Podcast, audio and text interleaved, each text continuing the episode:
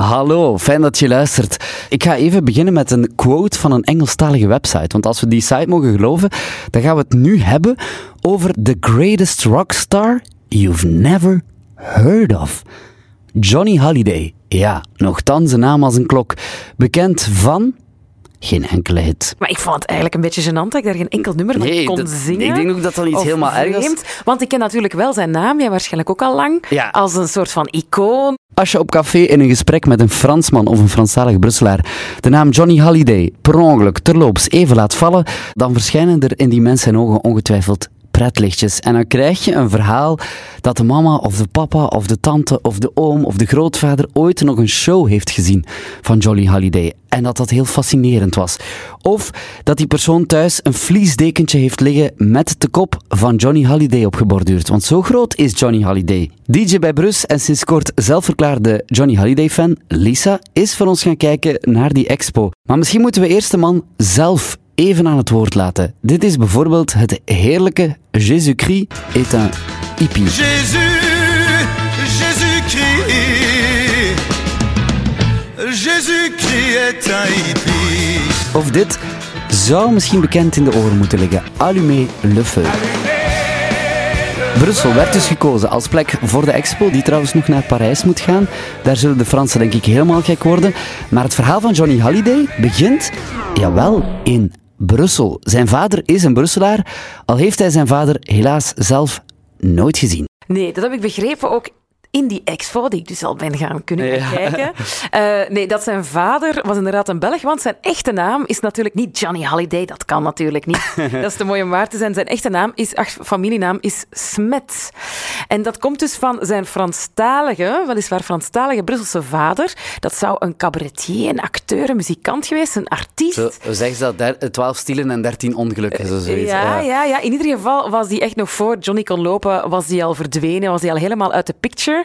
En eh, hij heeft ook heel snel een andere familienaam dan gekozen, een artiestennaam. En dan heeft hij Halliday gekozen, dan weer van een aangetrouwde neef die hij kende en eh, ja. waar hij natuurlijk mee naar opkeek. dan Hij had met die, met die naam, Halliday, eigenlijk had hij alle troeven in handen, zeg maar, om de hele wereld te veroveren.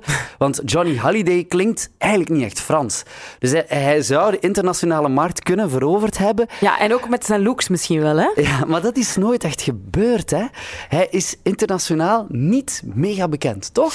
Nee, nee. Ik denk dat hij enkel ehm, heel veel heeft kunnen optreden in, dus naast Frankrijk, ook in Zwitserland. Daar woonde hij ook op het einde van zijn leven. Dat had veel te maken met centen en belastingen en zo. Ik denk niet alleen voor de Zwitserse bergen Nee. woonde. Eh, maar dus in Zwitserland heeft hij ook veel opgetreden in Brussel ook. Hij heeft ook wel best veel in Brussel kunnen optreden. Ehm, en ik denk dan nog eens ergens in Mexico of zo, zo ken het een one-off. Maar in het algemeen is hij natuurlijk vooral bekend in Frankrijk. Maar eigenlijk doet dat er ook niet toe dat hij niet bekend was in de rest van de wereld. Want in Frankrijk is hij echt een soort van godheid. Ja, wie, wie, wie, is hij voor, voor Frankrijk? Want wij, wij, wij weten dat niet genoeg. Jij bent naar die expo geweest, Ja. daar zullen we het straks over hebben. Maar hoe, hoe, hoe zou je het omschrijven voor een Fransman? Wie eh, of welke plek neemt Johnny Halliday in, in het leven van een Fransman? Van, van op het moment dat hij opstaat en zijn stokbrood neemt om daar een stuk van te... Nee, nee, ik- hij is echt de eerste grote rockster hè, van Frankrijk. Ik denk dat hij misschien nog steeds die positie heeft. Er is ook maar één Johnny. Als je zegt Johnny, weet iedereen waar hij Ah, het ja. over heeft. En hij was ook alom tegenwoordig, niet alleen op hè, die t-shirts en die patches en zo, waar we het daar juist over hadden. Eh, ook in films bijvoorbeeld. Hij heeft zich echt nog kunnen ontpoppen tot een vrij goede acteur. Ja, hij- hij Die is een zelfs- acteur. ja, Ja. niet alleen in, hè, want hij speelde dan in het begin veel mee in westerns en zo, want dat vond hij zelf heel leuk. Maar later heeft hij ook echt eh, onder, denk zelfs eh, Luc Besson, en zeer ge- allee, gerespecteerd Hij is een grootmeester in de Franse cinema. Ja, heeft hij kunnen spelen. Dus echt iedereen kende hem. Hij stond ook continu in de boekjes, dat moet ook wel gezegd worden. Maar had dan de, ja, na twintig jaar met die was hij dan toch weer zoveel jaar met een ander en affaires. Er wordt ook gezegd dat hij in de jaren tachtig, toen alles een beetje glamoureus was, droeg hij continu een soort van witte smoking. Oké. En daarover wordt gezegd dat hij dat enkel droeg omdat je zo op die manier de kook niet zag liggen. Ja. Dus daar werd natuurlijk veel over geschreven. ja. Ja. van, is het nu waar of niet? Maar er waren natuurlijk veel mooie verhaaltjes om over te schrijven. Dus ja, ook het feit dat hij, hij is vijf jaar geleden gestorven, um, dat wil zeggen dat hij eigenlijk vanaf de jaren 60 tot dan een geweldig grote carrière heeft gehad. Um, langs een, langs een, ik zeg het zoals je daarnet zei, um, hij wordt soms de Franse Elvis genoemd.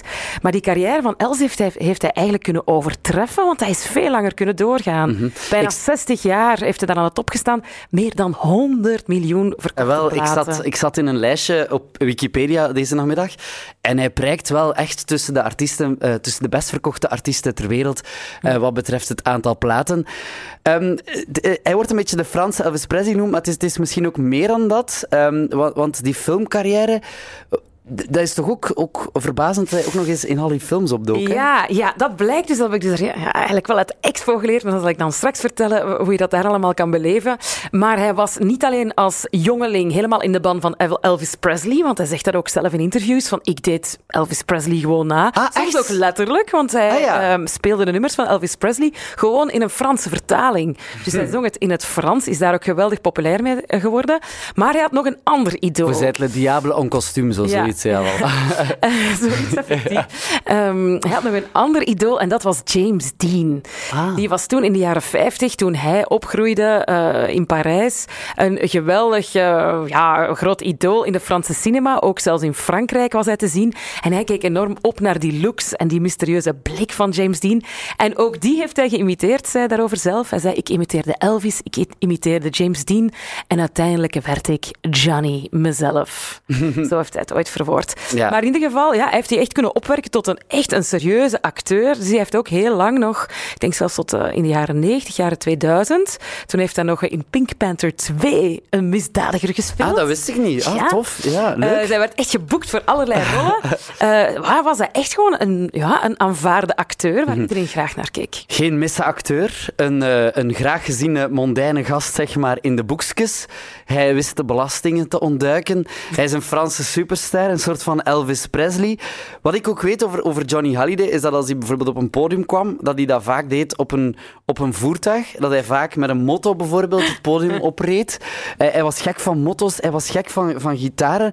Maar zo op de keper genomen, als je dat moet zeggen... Um, heeft Johnny Halliday een, een groot nalatenschap? Is hij is hij belangrijk geweest? Ja. Is hij muzikaal interessant? Is hij, is hij goed? Is hij, ja, hoe moeten we daar naar kijken? Wel, ik denk de mensen... Dat is een moeilijke vraag natuurlijk. Ja, hè, maar... ja, maar ja, hij, heeft natuurlijk, hij heeft geweldige shows opgezet. Daar ga ik het straks nog over hebben. Geweldige arena-tours en zo. Dus daar heeft hij wel wat grenzen verlegd. En vooral, hij heeft zoveel mensen, fans, die hem tot op de dag van vandaag nog steeds adoreren. En dat is wel iets natuurlijk wat niet iedereen hem nadoet. Om zo op die manier zoveel mensen nog steeds in de band te hebben van Johnny Holiday. Dus mm -hmm. ja, hij, dat, dat, heeft hij wel. Ik, hij heeft het. -hmm. Ik ben ook verdwaald op Spotify deze middag. Toen ik uh, aan het luisteren... Ik, ja, ik heb Johnny Holiday ook ontdekt deze namiddag. op Spotify van alles beluisterd. Wat mij ook opviel, is dat hij um, echt een soort van... Een, een genrewinkel doorloopt. Zo, hij begint zo ergens met rock and roll en dan een beetje meer Elvis Presley-achtige dingen. Dan, dan passeert er een ballade. Hij heeft ook in die voorbije 60 jaar, waarin hij actief was, ik denk dat Press 60 jaar was, heeft hij ook alles gedaan. Hè? Ja, dat heeft ook wel daar heel veel mee te maken met het feit dat het 60 jaar was. Hij heeft ja. zijn hardrock periode gehad, hij heeft zijn uh, swinging 60s um, rock and roll periode gehad. En op het einde zijn er ook heel veel intieme nummers dat hij uitgebracht heeft. Een plaat die ook heel populair was, die blijkbaar um, geschreven was door zijn zoon, of toch de teksten. Want Johnny die schreef soms toch ook wel eens een nummer, maar dat was dan meer de melodie, hè, zoals wij Wiltura kennen. Wiltura schreef ook de muziek. Um, Johnny deed dat ook, maar het was altijd iemand anders die met de poëzie kwam en die laatste intieme platen die hij uitgebracht heeft, die werden dan geschreven door zijn zoon David. Uh, David die trouwens ook de artiestennaam, familienaam overnam. En David, David Halliday. Halliday is. Ah, okay. Mooi, op zijn hè? paspoort David Halliday. Alhoewel, dat zal wel misschien wel geen waar zijn. Uh, maar er loopt dus een expo uh, rond het leven van Johnny Halliday. En vooral rond Johnny Halliday. Waar anders dan aan de Heizelvlakte natuurlijk. Dat past ook wel bij de groteskheid van Johnny Halliday. Hè? Het had zo niet in een klein straatje in Brussel mogen zijn. nee, nee, nee. Het moest echt aan een paar... Nee, aan, aan nee. het... en het moest ook wel erin passen, want het is eigenlijk wel een gigantische expo. Het is ook wel heel indrukwekkend hoor. Het Ja, ik las ergens- over de top. Ik las er ergens dat, dat, de, dat de genoten. vorm van de expo een eh, luchtgitaar, of een gitaar is. Ja, dat heb ik dus totaal niet gemerkt. Nee. Maar dat was ook niet meer nodig, want ik was sowieso al helemaal mee. Ja. Nee, het is wel heel indrukwekkend. Het is wel geweldig. Ja. Het is Hoe is de expo opgebouwd, Lisa? Want je bent eh, Ja, als een gitaar blijkbaar hoor ik je nu. Als een gitaar. Nee, het is... Is ehm, ja, het is dit, dit- ik, misschien is het wel belangrijk om te zeggen dat die expo eh, voor de eerste keer hier in Brussel wordt getoond en dan pas naar Parijs zal gaan. En je kan dus bijvoorbeeld ook als je je tickets dan koopt op de website, staat er ook al een knop van wil je op de wachtlijst staan voor Parijs. Dus in Parijs, met al die miljoenen fans, maar echt letterlijk miljoenen zijn, fans ja. in Frankrijk, gaat dat nog veel groter zijn. Dan gaat er nog meer aandacht voor zijn. Dus dat is wel zot. En wij kunnen dus in Brussel, in het kleine Brussel, eh, kunnen wij dus eh, in première die expo al gaan kijken. Ehm, ja, het is, het is eigenlijk, volgens mij hebben ze heel die man zijn inboedel, ik weet niet hoe ze het gedaan hebben, eh, in grote containers naar hier gebracht. Want er staan geweldig veel spullen. Eh, niet alleen eh, bijvoorbeeld de gitaren van Johnny, want hij speelde ook wel gitaar. Er staan 23 gitaren, maar echt gaande van een leren gitaar, wat er heel raar uitziet, tot een gitaar in de vorm van een bijl. Oké, de Want hij- bijlgitaar. Ja, want hij had ook wel iets, hè, zoals je net hoorde, met hard rock en heel, heel, heel die wereld, zo'n beetje Kiss-achtig, een beetje Van Halen-achtig. Ehm, er is ook bijvoorbeeld een, een collectie van zakmessen, dat is er ook. Hij hield daar enorm van, maar allemaal van die kitscherige zakmessen. Oké, dat is nu een beetje de- iets, iets belangrijks bijvoorbeeld ook wel, ehm, is al zijn outfits. Dus hij heeft een heleboel grote arena-tours Ja, gedaan. ja. Ehm, en hij had daar altijd natuurlijk een specifieke outfit voor. Vaak een leren broek die dan nog eens ge- geborduurd was met nog eens een Versace-hemd over. Of een leren jas waar nog eens eh, metalen elementen op stonden. Alles totaal over de top. Heerlijk kitsch, maar wel heel leuk om allemaal te bekijken. Die staan daar heel mooi uitgestald. Eh, ook al zijn juwelen, zijn hele juwelencollectie, want dat hoorde natuurlijk ook een beetje wel bij die stijl. Hij had een hele tijd ehm, ja, ringen aan met doodskoppen, ehm, halskettingen met een kruis aan, maar dat is dan niet Jezus aan dat kruis, maar dat is hij zelf met de gitaar vast. Zo van die dingen, dus echt alles totaal over de top. Dat is echt geweldig om te zien. Maar naast al die dingetjes eh, staat bijvoorbeeld eh, Johnny Halliday zijn tuin daar ook. Ja, ze hebben zijn tuin gerecreëerd. Ah, Eh, bon? ja, met dan weliswaar ja, met videoschermen en weet ik veel, maar het is echt zijn tuin zoals die eruit zag de, waar hij de woonde Ah, de oké, laatste jaren. ja. Met dan wel ook zijn bureau aan. Dan kan je tussen de blinderingen kijken naar zijn bureau waar hij werkte en waar ze dus zijn echte spullen staan. En je voelt ook wel voor de echte eh, grote fans, die vinden dat fantastisch. Dus dat is wel geweldig, al die kleine dingen. En het gaat heel ver hoor, tot zijn rijbewijs van in Amerika. Hij heeft op een bepaald moment ook op het einde van zijn leven in Los Angeles gewoond. Dat vond hij ook geweldig, want hij hield ook van die rock and roll, die, die oer rock and roll op een Harley Davidson en zo. Dus daarvoor woonde hij graag in LA. En dan zie je zijn, eh, ja, zijn, zijn reisdocumenten. Ik denk, ja, zelfs zijn kredietkaarten, dat staan daar allemaal uitgesteld. Dus die laatste echtgenote heeft echt wel goed meegewerkt om daarvan allemaal dingen te krijgen. Dus dat is echt wel geweldig om te zien. Ehm, de, het gaat eigenlijk, hè, zoals het vaak gaat in een expo, van het begin, hè, van als hij eh, geboren wordt en opgroeit tot aan zijn dood. En bijvoorbeeld de laatste kamer is een hele zaal gewijd aan zijn begrafenis. Wat? Ja, dan zie je op grote schermen eh, zie je eigenlijk echt gewoon een hele ja, filmvertoning van die begrafenis. Want dat moet gigantisch geweest zijn in eh, Parijs 2017. Ik heb, toen, ik heb daar eigenlijk helemaal geen aandacht aan geschonken. helemaal niet. Maar Volgens mij is die hele geweldig. begrafenis ook nog altijd te bekijken op YouTube. Dus de hele begrafenis van Ah, ja. Johnny Halliday kan je... Dus eh, verschillende fases van zijn leven, verschillende kamers eh Of doorheen. bijvoorbeeld ook, hij was dan eh, into cinema, bam, daar staat gewoon, zijn cinema is nagebouwd. Hij had dan natuurlijk, ja, hij was superrijk. Een geweldig grote cinemazaal, eh, waar hij dan zijn favoriete oude films bekeek. En die staat er dan. Dus ze hebben echt alles uit de kast Mhm. gehaald. Dat is wel geweldig. En dan komt er eigenlijk mijn, fav- allee, mijn hoogtepunt. Het, is, het is overal, ja, het is zo typisch een soort van immersieve video, totaalervaring. En als je binnenkomt, kom je binnen op een soort van catwalk in de duisternis. En je voelt eigenlijk de ervaring van Johnny die op het podium opkomt in zo'n arena. En dan oh, ja, voel je de flitsen op jou en hoor je het eh, publiek scanderen. Terwijl je allemaal videofragmenten ziet van hij die opkomt op de meest onwaarschijnlijke manieren. Gedropt door een helikopter. Hij komt, eh, of door zo'n grijper op de kermis, dat ken je wel, om zo'n knuffel Ja, te grijpen. Die komt dan gigantisch groot uit de lucht en die dropt propt dan zo Johnny op het podium. Ja, dus dat is eigenlijk heel eh, immersief. Dat is natuurlijk heel modern. Ja. Zo, zo moet Johnny zich gevoeld hebben als hij naar het podium ging. Heel veel lichtflitsen en iedereen die zijn naam eh, scandeert en applaudisseert. Maar het marcheert wel, moet Maar- wel ja, ja, toegeven. Het marcheert wel echt. Om te eindigen, Lisa, zou jij de mensen naar die expo sturen? Ja, zeker en vast. Ehm, ook bijvoorbeeld als je van expos houdt, want zo'n mensen, mensen heb je ook wel. Het is geweldig gemaakt. Het is zeer amusant. Ik heb daar wel, wel verschillende uren rondgelopen.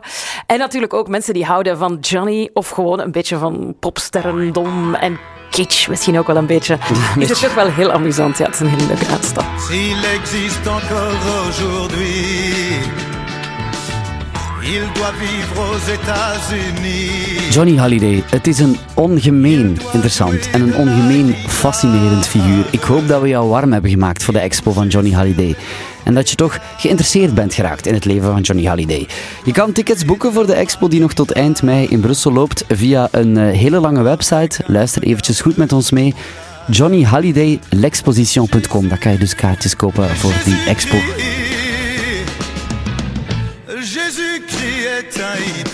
Dit was trouwens een podcast van Brus. Ik hoop dat je het leuk vond. Al onze andere podcast kan je checken via je favoriete podcast-app of kijk ook even op brus.be.